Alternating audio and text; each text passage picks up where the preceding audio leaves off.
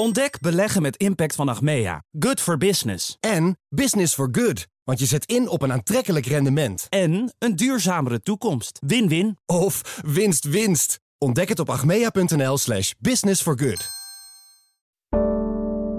Een goedemorgen van het FD. Ik ben Pauline Swuster en het is woensdag 7 december.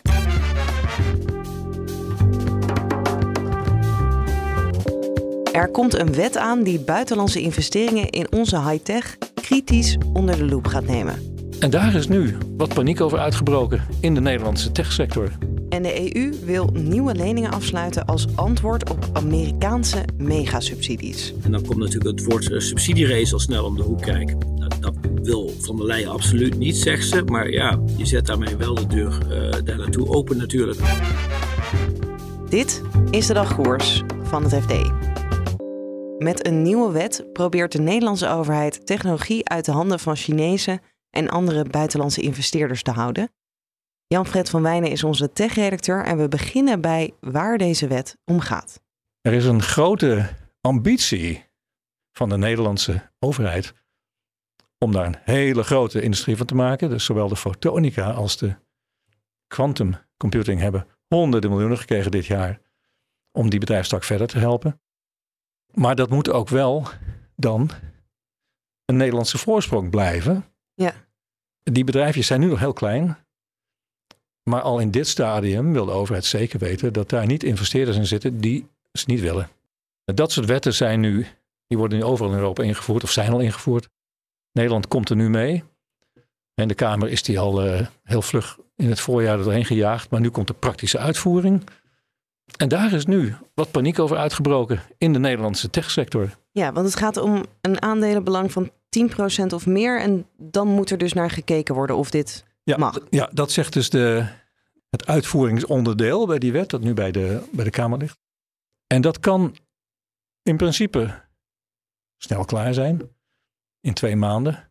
Vinden techbedrijven al heel lang, maar toch, het kan ook veel langer duren. En daar maken ze zich dan druk om? Daar maken ze heel druk om. Dat, dat, dat, alleen al dat die kans er is, dat kan investeerders wegjagen. Deze jonge bedrijfjes, die, ja, die leven echt van subsidie naar subsidieronde, van investerings naar investeringsronde. Die geven alleen maar geld uit, want die hebben meestal nog geen product. En als ze het hebben, is het, uh, nou ja, zijn de kosten nog altijd veel hoger dan de inkomsten. Dus ze zijn heel erg afhankelijk van externe financiers. En de overheid steekt er, hè, zoals ik al zei, best wel wat geld in. Maar om echt groot te worden en echt de wereld te veroveren. En wat iedereen dan zegt, de volgende ASML te krijgen. Is er echt veel meer geld nodig. Dus deze bedrijven zijn constant op zoek naar investeerders.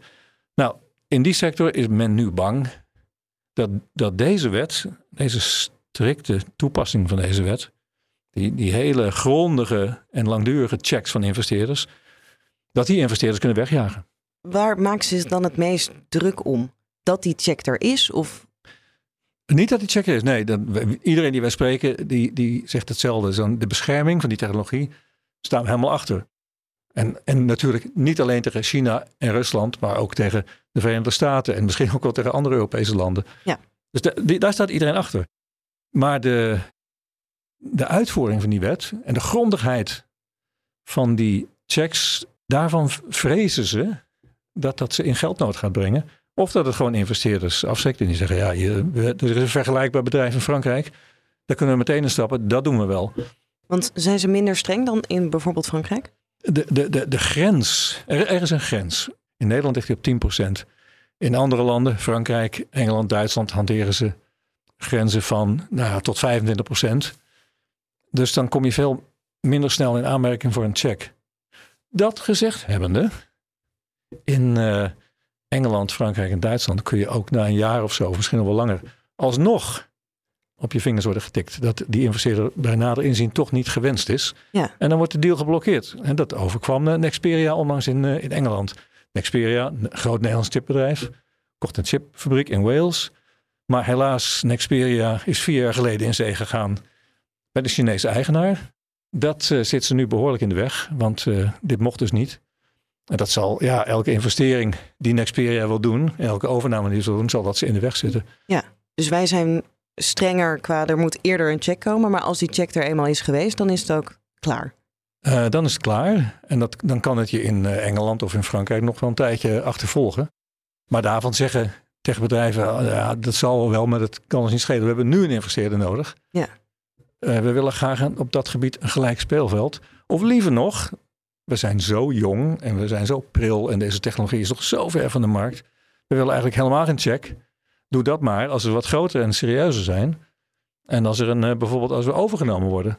Dus al dat soort voorstellen worden nu gedaan om die, om die wet aan te passen. Ja. Weinig kans. Ja, want dat wilde ik vragen. Je denkt niet dat het aangepast wordt? Nee, hierin is het is ons wel duidelijk gemaakt in, uh, in Den Haag. Ik zeg het even voorzichtig, want wij spreken bronnen voor en achter de microfoon. Uh, Den Haag is niet van plan om, om hier een soepele houding in te nemen. Uh, vooral niet omdat de Nederlandse inlichtingendiensten heel nadrukkelijk waarschuwen voor de activiteit van vooral Chinese investeerders. En uh, die, die hebben aan een klein belang al genoeg om uh, heel veel technologie naar binnen te halen.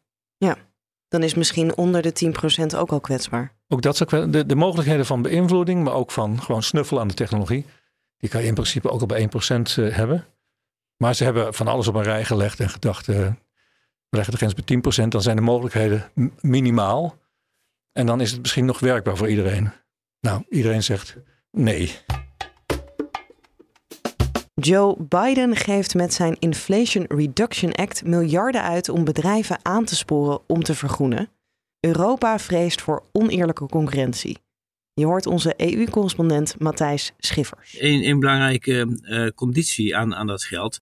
Uh, dat gaat alleen naar producten die in Amerika gemaakt zijn. En ook met onderdelen die in Amerika gemaakt zijn. Waardoor er dus angst bestaat in de Europese Unie dat veel bedrijven denken: nou, dan verplaats ik mijn productie maar naar de VS. En dan profiteer ik ook van deze, van deze gulle uh, Amerikaanse overheid. En kan ik verder gewoon ook nog in Amerika in Europa blijven doen wat ik, wat ik doe. En we hebben hierover overlegd uh, met de Amerikanen. Kwam daar iets uit? Er wordt al een, tijdje overlegd, maar afgelopen maandag uh, stond het ook weer op de agenda voor het, uh, het zogeheten handel en uh, technologie overleg dat eens in zoveel tijd gevoerd wordt door de EU en de VS. Dat is iets nieuws, dat is opgezet sinds Joe Biden in de VS zit. daar kwam het dus ook aan, aan, aan de orde en er werd een slotverklaring opgesteld over allerlei dingen die zijn afgesproken. En er werd ook wat gezegd over deze Inflation Reduction Act. Uh, maar het komt er eigenlijk op neer dat de Amerikanen zeggen: wij, uh, wij erkennen de zorgen die er in Europa leeft en, uh, hierover. En, we gaan ons best doen om daar wat aan, aan, te, aan, aan te veranderen. Maar heel concreet is het dus verder niet geworden. En de klok tikt natuurlijk, want 1 januari is om de, ligt om de hoek en dan gaat die, die subsidiestroom al lopen. Ja, en wat gaan wij dan doen in reactie? Nou ja, kijk, Europa had altijd gehoopt dat ze ook een uitzondering zouden kunnen krijgen op, de, op deze regel. Mexico en Canada hebben dat wel gekregen, twee buurlanden van de VS. Maar dat ziet er toch niet echt naar uit. Anders had, denk ik, daarmee hadden die Amerikanen dat al op, op tafel gelegd. Dus uh, was de, de, de speech van de Europese Commissievoorzitter Ursula von der Leyen afgelopen zondag in Brugge wel interessant. Want zij zei, door deze uh, stap van de Amerikanen ontstaat er een ongelijk speelveld. Uh, wij moeten dat herstellen. Uh, en dat kan eigenlijk maar op één manier, door onze staatssteunregels te versoepelen, zodat we meer geld kunnen geven aan onze bedrijven ook. En er moet misschien zelfs een Europees fonds komen, speciaal voor de uh, ondersteuning van Europese bedrijven die zich bezighouden met die, uh, die duurzaamheidstransitie waar het om gaat natuurlijk. Dus dat betekent dat je eigenlijk Amerikaanse subsidies met Europese subsidies gaat uh, terugbetalen.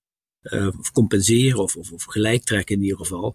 En dan komt natuurlijk het woord uh, subsidierace al snel om de hoek kijken. Nou, dat wil Van der Leyen absoluut niet, zegt ze. Maar ja, je zet daarmee wel de deur uh, daar naartoe open natuurlijk. Als je zegt, uh, we gaan de staatssteunregels versoepelen en we gaan een fonds opzetten om bedrijven te steunen. Dan riekt het daar wel naar.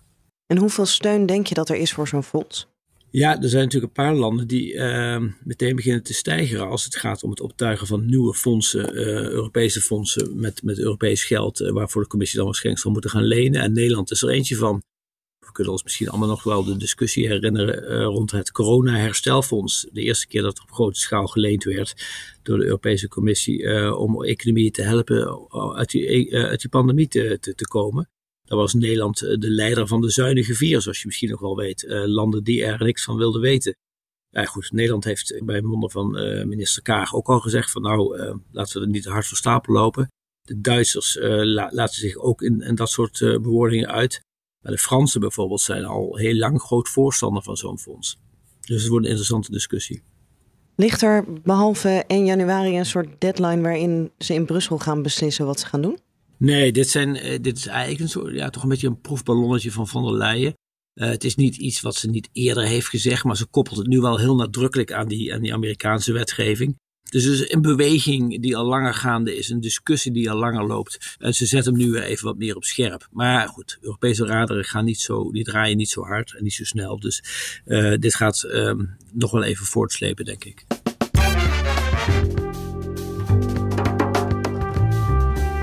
Dit was de dagkoers van het FD. Morgenochtend zijn we er weer met een nieuwe aflevering. Als je abonneert op dagkoers, dan krijg je die automatisch binnen.